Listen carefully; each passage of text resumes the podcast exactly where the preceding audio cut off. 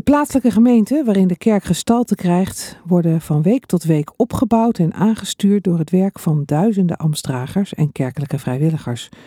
Hoeveel zullen het alleen al in Nederland zijn? Hun aantal overschrijdt de 10.000 met gemak.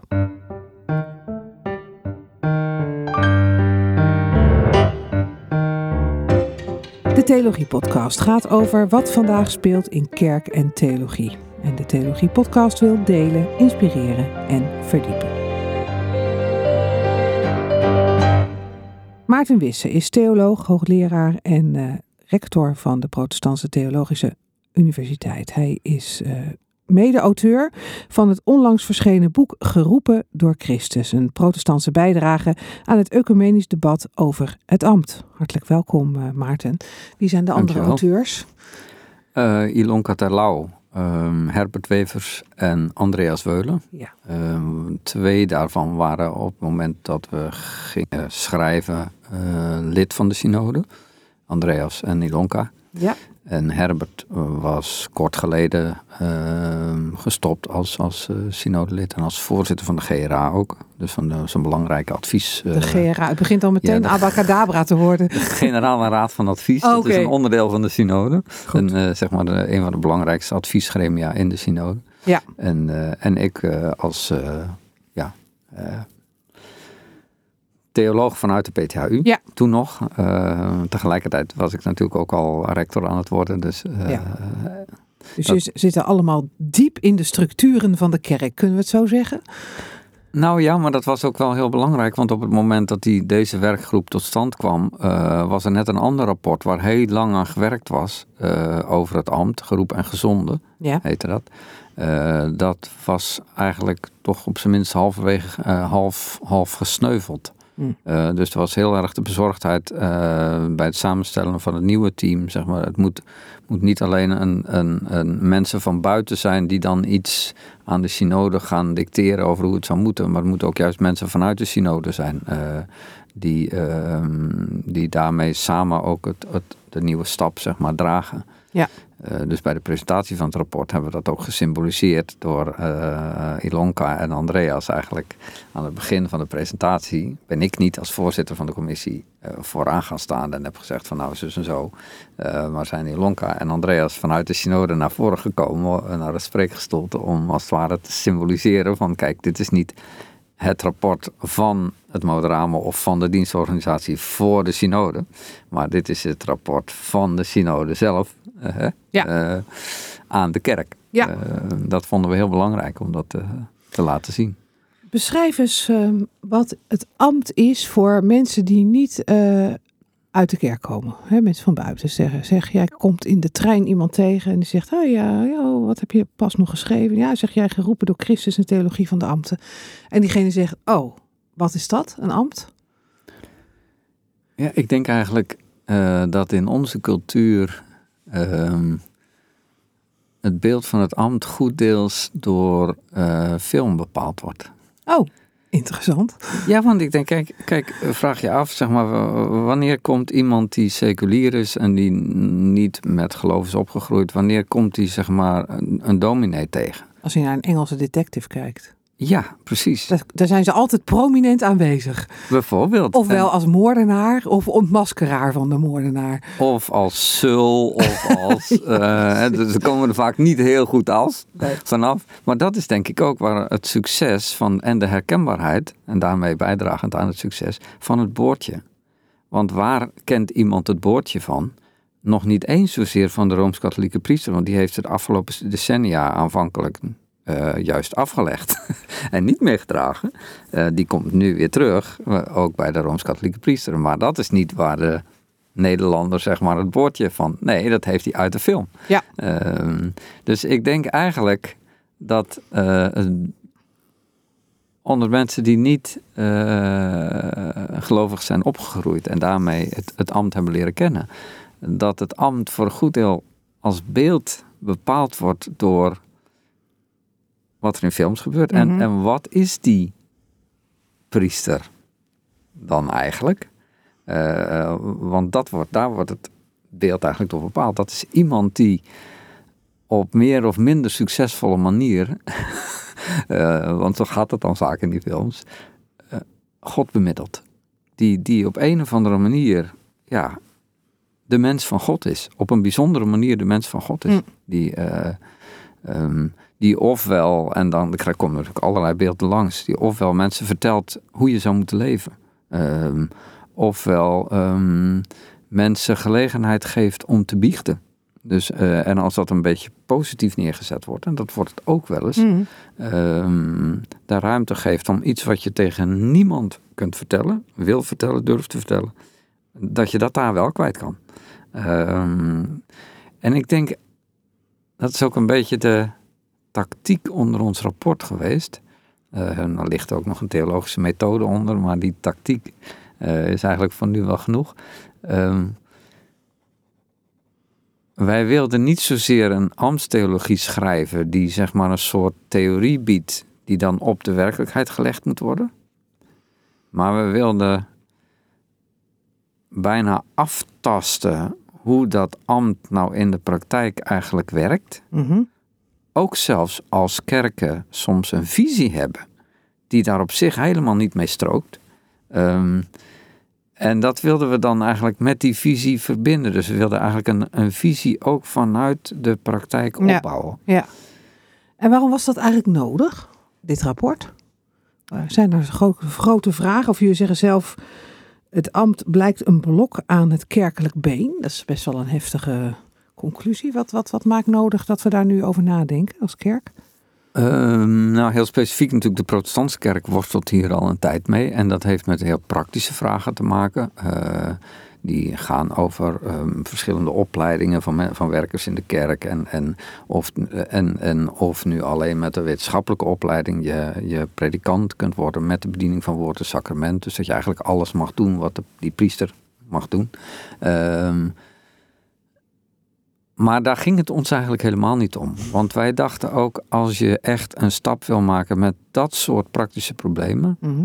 dan moet je juist niet te dicht op die praktische problemen gaan zitten. Want die praktische problemen worden waarschijnlijk veroorzaakt door iets wat veel dieper, uh, ja, zeg maar, ingebed zit in, in hoe het protestantisme met, met ja, die mensen van God omgaat. Mhm.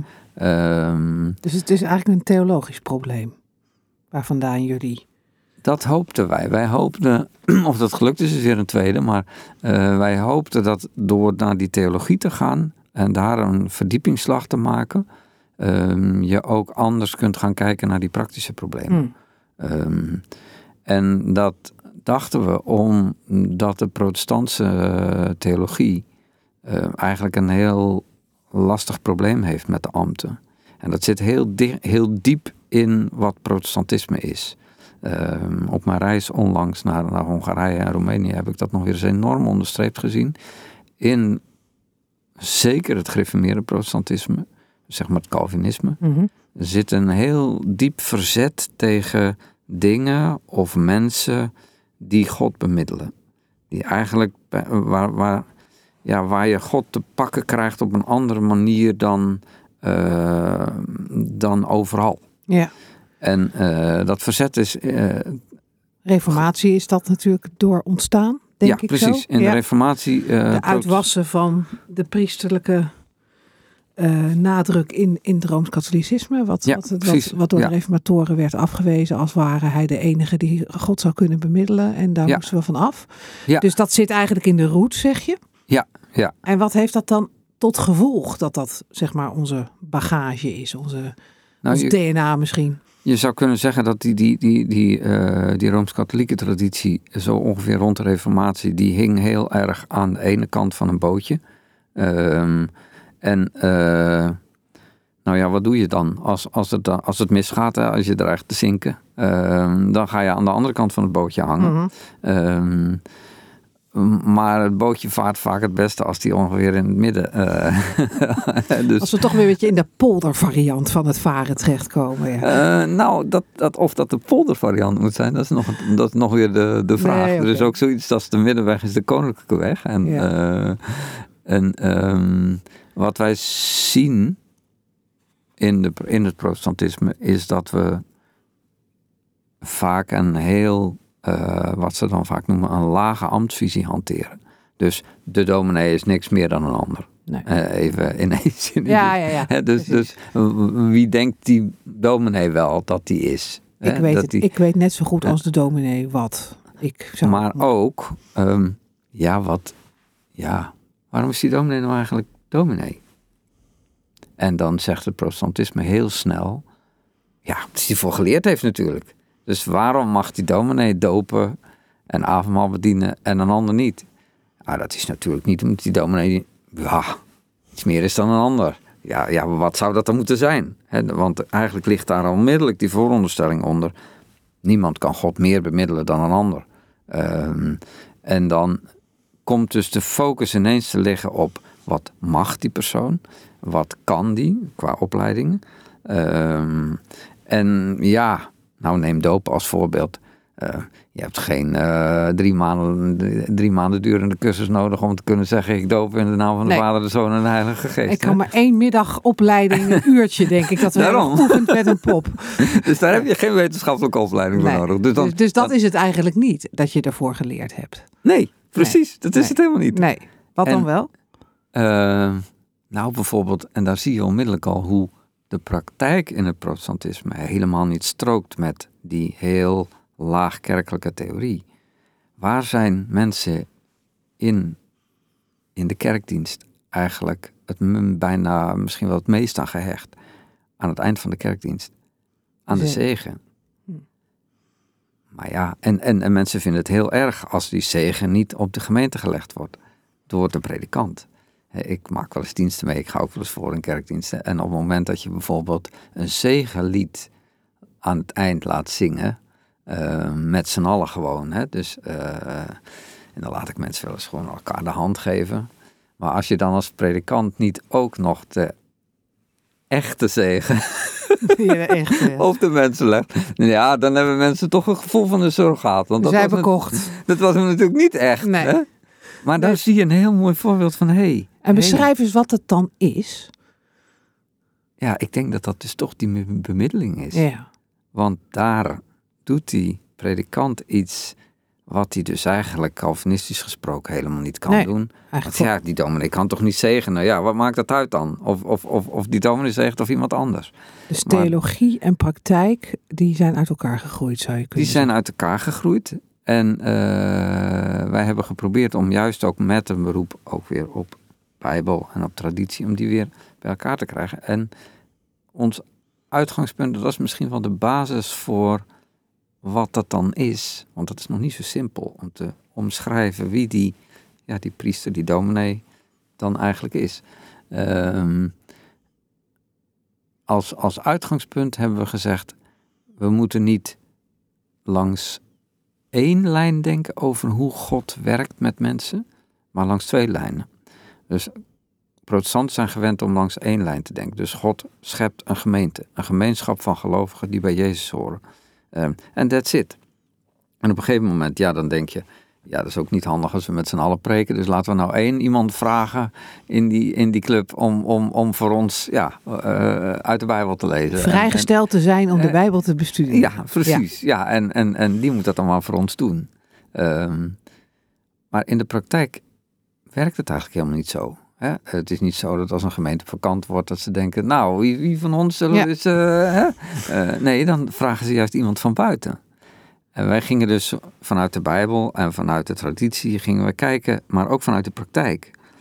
En dan zie je dat dat eigenlijk een constante is. Dus er is altijd iemand tegenover die gemeenschap die um, van buiten ook wel een beetje komt. Mm en die geroepen is om die geroepen is, daar krijg je gelijk al iets. Het heeft iets met roeping te maken. Dat, dat zijn mensen die op een of andere manier geroepen worden. Wat dat dan ook verder precies is. Uh, maar het heeft iets met roeping te maken. En daarmee worden ze toch afgezonderd van die, van die gemeenschap van gelovigen. Ja. En er eigenlijk tegenover geplaatst. Zo heb je de discipelen, de leerlingen van Jezus. Het begint eigenlijk al in het evangelie. En die protestantse visie van op een gegeven moment zeg je tegen elkaar van nou laten we eens iemand vragen om voor ons. Die werkt eigenlijk alleen. Uh, als je de apostel en de discipelen, zeg maar, als je die uit het evangelie en uit, uit het Nieuwe Testament haalt, Ja. schrapt, dan klopt het wel ongeveer. Maar ja, ze staan er echt in. Hè? Ja, dus dat precies. tegenover is er ook steeds. Ik ben zelf ook. eh, ik heb inmiddels ook een aantal brieven gehad van mensen die zeggen: Ja, maar wat, wat, wat nu in, in dat boek van jullie staat, dat strookt helemaal niet met wat jij eerder zelf hebt geschreven. Hmm. En dat Is klopt ook. Dat ja, klopt dat, ook. dat klopt helemaal. Ja, ja. Eh, ik heb echt een, een, een draai gemaakt daarin. En wat, Eh, waar sta- bestaat de draai uit? Nou, om dus niet meer te denken vanuit een, eh, vanuit een gemeenschap die dan bepaalde mensen maar afzondert om als een soort functie, eh, dus langs die ene lijn te Mhm. denken van wat God doet, Mhm. maar om langs die twee lijnen te gaan denken. Hmm. Eh, dus er is altijd wat we dan geordineerd ambt met een duur woord noemen. Ja, want dat was mijn volgende vraag. Wat is, dat, wat is het verschil? Want daar schrijven jullie ook over tussen geordineerd en niet geordineerd. Dat is dus eigenlijk dat bij welke lijn je primair hoort. Hmm. Of je nou bij die, bij die apostolische lijn van diegene die, die voortdurend die, vanuit die gemeenschap weliswaar, maar ook tegenover die gemeenschap geplaatst worden.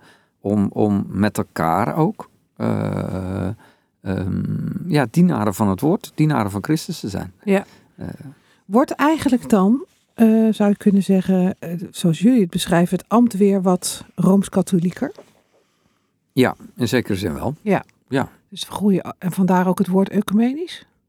Ja, Dat we dichter naar elkaar toe groeien, ook weer als protestanten en rooms-katholieken? In ja, het dit denken is zeker, over het ambt? eh, dat staat er niet, het zit er niet zo heel dik in, het Nee. ecumenische. Maar het zat overigens in dat eerdere rapport ook al. Hè, want vanuit de ecumenische beweging in de 20e eeuw is er al heel veel gedaan om, om die ambtsvisies eh, dichter bij elkaar te brengen. Met name in het rapport, eh, ja, het zogenaamde BEM-rapport. ja, ja, daar heb ik, ben ik in de 80. studie ook mee om de oren geslagen. ja. Ja.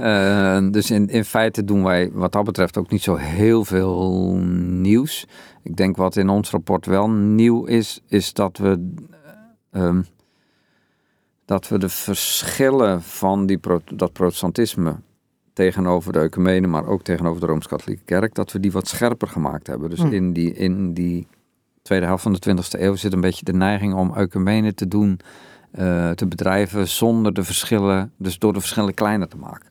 Ja, door dan samen te zeggen wat je mooi vindt. Mhm. En de rest Ehm, maar niet te bespreken. Eh, de rest zeg je, zet je in een kadertjes in de marge. Zo Oh, ja. van, ja, het is toch jammer dat we het eigenlijk niet eens geworden zijn. Ja. Eh, maar wij vonden het juist belangrijk om ook scherp te maken. Oké, als, dit, als dit is wat, wat je ecumenisch samen zegt. Maar wat betekent dat dan voor jezelf? Ehm, en wat is ook jouw eigen ja, en noem dan eens, extra? wat noem dan eens wat, wat, wat dan het onderscheid nog is tussen die rooms-katholieke ambtstheologie en de protestantse ambtstheologie, zoals jullie die beschrijven. Ehm, heel duidelijk juist de, de rol van de ouderling en de diaken als gemeenteambten. Eh, want wat, waar je ziet dat de Rooms-Katholieke Kerk de ambtstheologie eigenlijk heel snel al, eh, dus vanaf de vroege kerk al, heel hiërarchisch gaat denken. Dus je hebt een bisschop en dan heb je een presbyter, eh, een- zeg maar de lokale priester wordt dat Ja. later. En daaronder heb je nog een, een diaken die zeg maar hulpdiensten verleent. Ja. Eh, en dat staat vrij stevig eh, onder elkaar. Hè. De, ehm, zie je dat de reformatie daar eigenlijk het gevaar van inziet. Van een heel hiërarchische machtsstructuur die, die over mensen gaat heersen. Dus de reformatie zegt nee, je hebt nog meer ambten nodig. En die ouderling en die diaken, die moeten ook de predikant bij de les houden. Ja. Dus, eh, want anders wordt het niet een tegenover tegenover elkaar, maar dan wordt het een overheersing van het ambt over de kerk. Ehm, en dus hebben wij gezegd, oké, ehm, maar als we nou zien, kijk de reformatie die kon niet veel anders dan daarvan beweren dat dat allemaal rechtstreeks uit de Bijbel kwam. Ja, want dat is ook Eh, opvallend. Jullie zeggen eigenlijk dat er zowel in het Oude als het Nieuwe Testament geen eensluidend beeld is te vinden van wat een, het ambt is. Nee. Vind ik ook wel een heftige conclusie eigenlijk. Ja, maar daar was eigenlijk heel weinig verzet tegen. Oh ja? En ik denk dat dat is omdat het, omdat het gewoon heel erg waar is. Er staat nergens een soort functieprofiel. Nee, nee, Helaas, nee, nee, helaas. nee. Dus, dus Jezus zegt nergens, kijk, als je nou een gemeente begint, zorg dan dat je die en die en die en die allemaal. En Paulus zegt dat ook niet. Dus- Nee. Dus, ja, dat wordt We ingewikkeld. gebruiken wel trouwens altijd bij de bevestiging van ambtsdragers wel allerlei bijbelteksten, valt mij op. Hè, in het formulier. ja, Dus er is wel hier en Ja. daar wat geplukt uit wat er in de Bijbel staat. Maar je zegt, en daar hebben we eigenlijk ook een soort formulier van gemaakt dan in de kerk. Ja, Maar als ik ja. jullie zo lees, zeg jullie dan bijna nou, klopt niet helemaal? Of, of... Nou, maar kijk, dat is eigenlijk wat wij theologisch methodisch in het boek proberen te doen. We proberen niet eh, we proberen weg te komen bij een vorm van theologie waarbij je zegt, kijk, het komt uit de Bijbel. En dan denken we dat nog een beetje na eh, door en, en, we maken er een systeempje van en dat Mm. plakken we dan op de praktijk. Ja, zo hebben we het eigenlijk heel lang gedaan, hè? Eh, Ja, in, in, in bepaalde hoeken van de kerk wel. Ja. Ehm, en die verleiding is er soms nog wel. Ehm, maar zeker bij ambt, hè, gewoon omdat er geen kant-en-klare ambtsleer in, in het Nieuw Testament staat, ehm, is dat gewoon heel ingewikkeld. Mm. Plus dat zeker die Rooms-Katholieke ambtsleer, ehm, waar de reformatie zo tegen was, die was weliswaar heel creatief in de omgang met de Bijbelse gegevens. Maar die deed niet alleen iets met de Nieuw-testamentische gegevens, maar juist ook met de Oud-testamentische gegevens.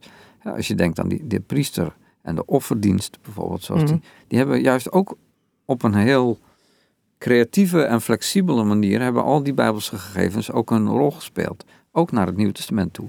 En in die zin kun je zeggen dat de Reformatie dan een soort correctie probeerde aan te brengen door te zeggen: nee, maar als het over ambt gaat, dan houden we ons echt alleen aan het Nieuwe Testament. Eh, maar ja, je kunt je wel afvragen van waarom is dat dan? Ja. Dus we hebben toch Oude en Nieuw Testament Ja. samen. Ja, waarom schrijven we dat nu opeens af? Eh, dus ja, ja dus, dus, dus ehm, en ik denk dat dat nog meer ook in de Rooms-Katholieke ambtsvisie zit, om die samen te blijven denken. Vandaar dat dat priesterschap, hè, dus eh, de naam priester is natuurlijk ook een, ja, een, een, zo'n, zo'n samenballing van enerzijds één van de rollen die in het Nieuw Testament genoemd wordt, maar dan ook maar één van, van die rollen. En de gedachte van het Oud-testamentische priesterschap. Ja. Je zei ook al van, we hebben dus ook gekozen voor een, een theologische methode. Hoe zou je die omschrijven? als een ehm, voortdurend heen en weer bewegen tussen alle bronnen die je theologisch ter beschikking hebt. En je ziet in het boek dat we eigenlijk starten bij de praktijk. Ja. Bij een soort theologisch kijken naar de praktijk. Dat doe je vanuit de overtuiging dat het niet zomaar zo is dat je leeft in een wereld waar God niet werkt. En dan kijk je in je Bijbeltje en dan zie je van, aha, dat is wat hij wil. Eh, nee, wij zeggen nee, eh, God werkt nu al. Ja. Dus kijk nou ook eens, wat doet God soms ondanks onze ambtstheologie?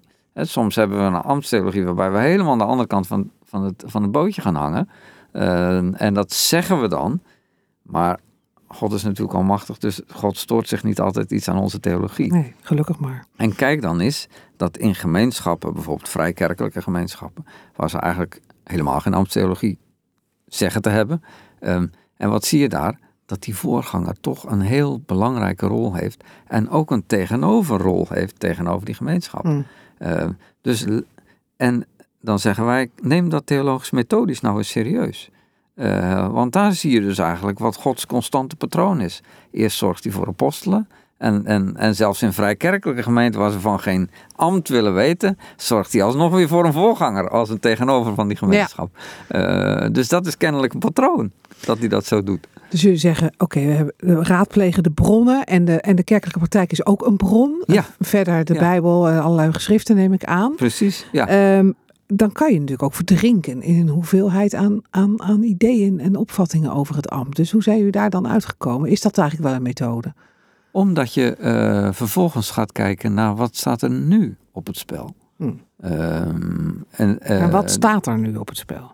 Ja, ja, ja. eh, want dan, dan zie je waar je, je, je bent al eigenlijk het product van die bronnen en van die praktijk uit het verleden en traditie.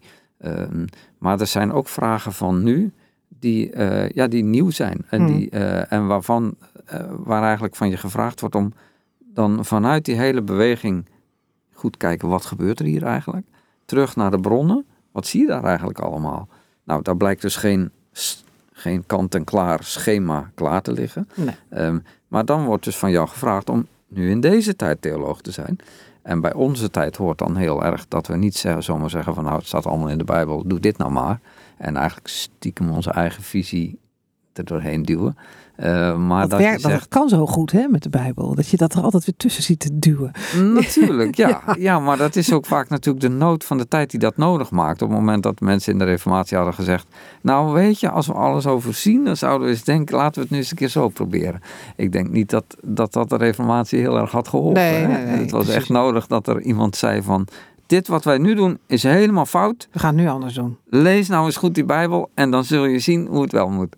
Eh, maar bij onze tijd hoort weer meer eh, de contextualiteit. Het, het, besef van, jij bent ook altijd iemand die, die die Bijbel leest en die daar bepaalde dingen mee wil. Uh, een context die dingen van jou vraagt. En dan ga je dus heel, heel zorgvuldig proberen al die dingen bij elkaar te leggen eigenlijk. En dan te kijken, wat is wat de geest nu nu van ons vraagt. Ja, ja. Nou, er zijn natuurlijk een aantal eh, echt wel concrete kwesties op het moment in de kerk. Um, bijvoorbeeld die van de positie van de kerkelijk werker. Hey, je noemde net ook al eerder van, uh, mag alleen maar iemand die academisch opgeleid is uh, de rol van predikant vervullen of mag een kerkelijk werker dat ook? De synode had daar nogal wat moeite mee met die discussie. Ja. Um, dat is ook eigenlijk nog niet afgerond. Uh, kan jullie aanzet voor een nieuwe ambtstheologie helpen bij dat soort hele concrete vragen? Dat denken we wel. Uh, wij hebben wel veel vragen bij hoe de synode nu in het vervolgtraject. Uh, ik denk dat geldt voor ons allemaal als auteurs van dit boek, uh, dit rapport. Wij hebben veel vragen bij de manier waarop we nu de besluiten hebben genomen. Omdat we denken dat daar nu juist die mooie zorgvuldigheid van, vanuit die ambtstheologie doordenken. Nou, hoe, hoe gaat het nou verder?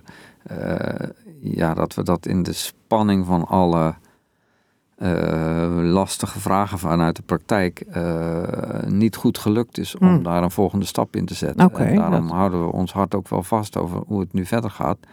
Um, want kijk, als je het niet theologisch gevoed doet, de volgende stap zetten, mm -hmm. of te weinig theologisch gevoed, um, dan wordt het een kwestie van wat vindt iedereen? Ja. Nou ja, dan ga je en dan wordt het gewoon de macht van de meerderheid. Wat en, dat, meerderheid? en dat is wat dreigt? Um, ik denk helaas dat dat, dat is mijn persoonlijke blik, ja. maar ook wel vanuit de PTHU bijvoorbeeld, hoe we terugkijken op de afgelopen synode. Uh, denken wij dat het niet goed afgelopen is. Oh, uh, dat we dat daar is best niet... wel een heftige conclusie. Ja, en dat gaat ons helemaal niet zozeer om, uh, om zeg maar, wat dan de HBO-dominee genoemd wordt zeg maar, dat die er zou komen. Um, dat is voor ons niet het springende punt. Het springende punt is dat we um, ter wille van het um, oplossen van de praktische problemen, uh, eigenlijk de zorgvuldige doordenking van wat is nou die eigen rol van die kerkelijk werker uh, ten opzichte van de rol van de academisch mm -hmm. opgeleide Mhm. mm -hmm. dat we die niet goed helder hebben gekregen. Nee. En dat we vervolgens, toen de hele synode, of bijna de hele synode, zei: dat is hier niet helder. Uh, want daar was niet zo heel veel oneenigheid over. Um, uh, men het besluit genomen heeft um, onder het mom van dan gaan we dat nog wel helder maken. Uh, maar ja, dat, dat, dat was niet de manier om, nee. om, om die delicate problematiek. Hm. Nu ligt dat namelijk bij het vervolg. Terwijl er eerder met reden, met goede redenen denk ik, besloten is om het juist uit elkaar te Ja. halen. Je moet eerst goed nadenken van. uh, en daar hebben wij ook handvaten voor gegeven. Maar je zegt dus eigenlijk is het verkeerd om gegaan, deze kwestie van, het, van de kerkelijk werker. Uh, heb je dan reden om nu te denken dat de kerk wel gaat lezen wat jullie geschreven heeft? Hebben? Uh, dat en, da en daarna wel, gaat natuurlijk. handelen ook. Bedoel, Want we anders wel. is het heel erg leuk dat dat boek er ligt. Maar dan vervolgens. Kijk, wat wij gezegd hebben. Vanuit, die, vanuit dat kijken vanuit praktijk en, en, en traditie. Um, dat wij eigenlijk twee typen kerkelijk werkers waarnamen. En opvallend genoeg, daar is ook een enorme consensus over onder de kerkelijk werkers.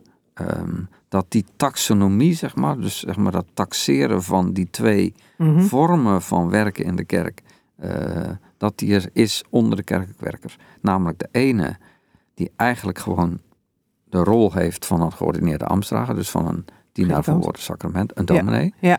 ja. Um, en de ander meer een soort van gespecialiseerde werker is. Daar is helemaal geen grote controverse over. Hmm. Ook onder de kerkwerkers zelf niet. Nee. Okay. Een aantal kerkwerkers zegt gewoon... ik heb helemaal niet behoefte om, om dominee te zijn. Nee, anderen ik, wel. Ik ben jeugdwerker. Ik Hmm. ben, hè? En je hebt een groep kerkwerkers die eigenlijk gewoon dominee is... en zo vaak ook in de gemeenschap gezien wordt... maar die dan een heel... Uh, maar die uh, op op allerlei ingewikkelde manieren een preconsent krijgen, die dan in de ene gemeente wel geldt en de andere gemeente ja, die niet. dan wel, wel en, mogen dogen, dan weer niet. Uh, ja, en uh, het is zelfs zo dat iemand in de ene plek soms dominee kan zijn en op de andere plek niet, uh, daar kerkelijk werker is. Nou, ambtstheologisch deugt daar niks van. Ehm, dus dat zien wij heel goed, dat, dat, dat die rechtspositie en zo, dat dat, dat, dat echt niet deugt. Ehm, ehm, wij hebben gezegd, als je als kerk, als kerk creëer je geen ambten, maar je erkent eigenlijk de ambten Mhm. die door God worden ingesteld. Mhm. Ehm, en als je dus eigenlijk iemand ziet die alles doet wat een predikant doet in die gemeente, die dus eigenlijk gewoon die ambtelijke rol heeft. Maar in jouw regels zorg je ervoor dat om allerlei redenen, arbeidsrecht enzovoort, om die persoon maar even niet, niet dominee te laten zijn, ehm, dan doe je als kerk iets verkeerd. Want je ziet daar eigenlijk, dat is opnieuw dat theologisch kijken naar die Mhm, praktijk. mhm. Je ziet daar iemand die als gezondene van God in die gemeenschap werkzaam is. Dan moet je dat als kerk ook erkennen. Ja. En, En, daar komt- moet je beginnen. ja, ja, daar moet je beginnen. En dan heb je dus eigenlijk maar één generalistisch profiel van dienaar van woord en sacrament. Ehm, en wij hebben destijds ook in onze eh, fase zeg maar, van het hele proces, hebben wij ook gekeken van, is dat nou zo? Hm. Is, er nou, is, is dat nou echt een predikant-generalist, zeg maar? Mhm. Of zou het ons lukken om daarvan ambtstheologisch te zeggen? Nee, er zit eigenlijk een soort van twee typen in. Bijvoorbeeld, even eh, als, als, als idee, een, een, een gemeentepredikant en een pionier. Ja. Eh, kun je die niet uit elkaar halen? Mhm. Of een zendeling, of een. Hè? Ja. Eh, is dat niet een eigen soortige manier van. eh, nou, ambtstheologisch denkend, maar ook goed kijkend naar de praktijk. Ook lerend van de rapporten daarvoor, waar dat ook geprobeerd was. Ook niet lukte om het goed uit elkaar te halen. Zeiden wij uiteindelijk: nee, uiteindelijk is er maar één ambt van dienaar van woord en sacrament. Ja. Ehm, over het beroepsprofiel hoefden wij verder niks te zeggen. Dus Hmm. wij zeiden: er is één ambt. Ehm, Maar mijn vraag was, eh, denk je dat er nu geluisterd gaat worden? Want je noemt al een paar keer rapporten waar niet naar geluisterd is. Eh, denk je dat dit nu wel echt ook zal helpen bij het theologisch doordenken van de, de, zeg maar de actualiteit in de kerk? Ik, Eh, ik, hoop, eh, ja, ik hoop dat op verschillende manieren. En, en ehm, ik hoop, wat ik nog het meest hoop, is dat we als protestantse kerk een beter bewustzijn krijgen van die twee, wat wij tweesporigheid noemen. Dus dat God altijd twee dingen doet. eh, en niet maar één ding. Dus Hmm. niet alleen een gemeenschap scheppen, maar ook steeds mensen roepen en mensen eh, tegenover die gemeenschap eh, geroepenen van God laten zijn. Ja. Ook richting de samenleving. Ja, Want ik denk dat, dat als we dat bewustzijn beter krijgen en beter uitpakken met elkaar, wat dat voor de rol van de predikant zou betekenen, ehm, dat ons dat helpt om ons werk in de kerk beter te doen. Ehm, dat, dat is de primaire winst. ja. Ehm, en vervolgens richting die praktische problemen. ik weet, wij, gaan, wij zijn natuurlijk in gesprek met, als PTHU.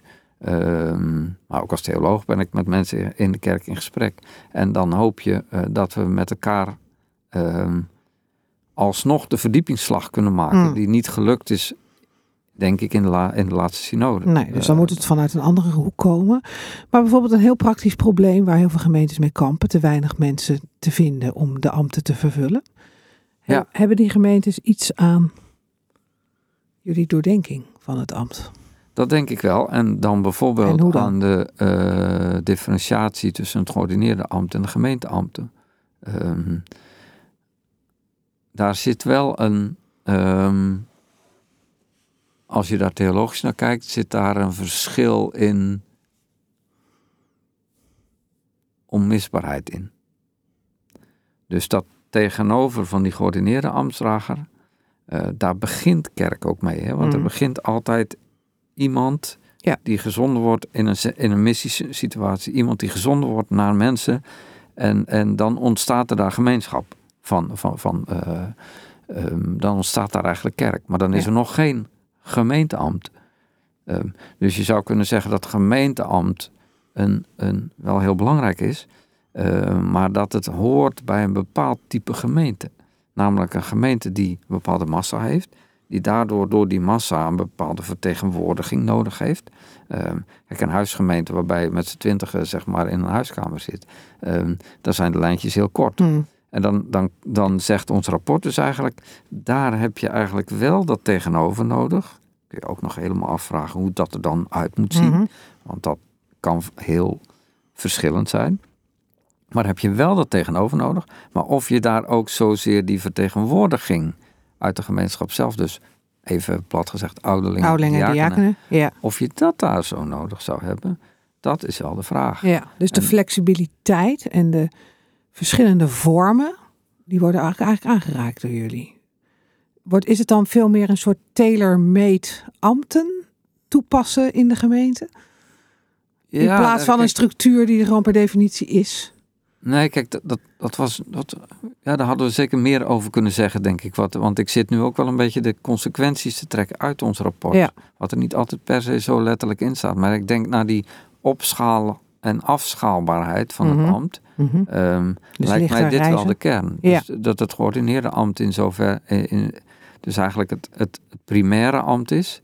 Ehm, en dat de gemeenteambten eigenlijk vertegenwoordigende ambten zijn. Die je dus ook met die schaalgrootte van de gemeenschap ook kunt afschalen en opschalen. Ja, en kan dat ook al in de, in de huidige structuur? Ehm, ik ben geen nee, kerkorde-specialist. nee. dus oh nee, jij bent dogmatisch. ik denk dat, dat er al wel stappen gezet Ja. worden om dat op- en afschalen. Hè. Dat in de mozaïek van kerkplekken, een rapport van een aantal jaren geleden. Ja, ehm, want soms ben ik wel eens bang dat het denken van de kerk eh, wat te langzaam gaat voor de praktijk.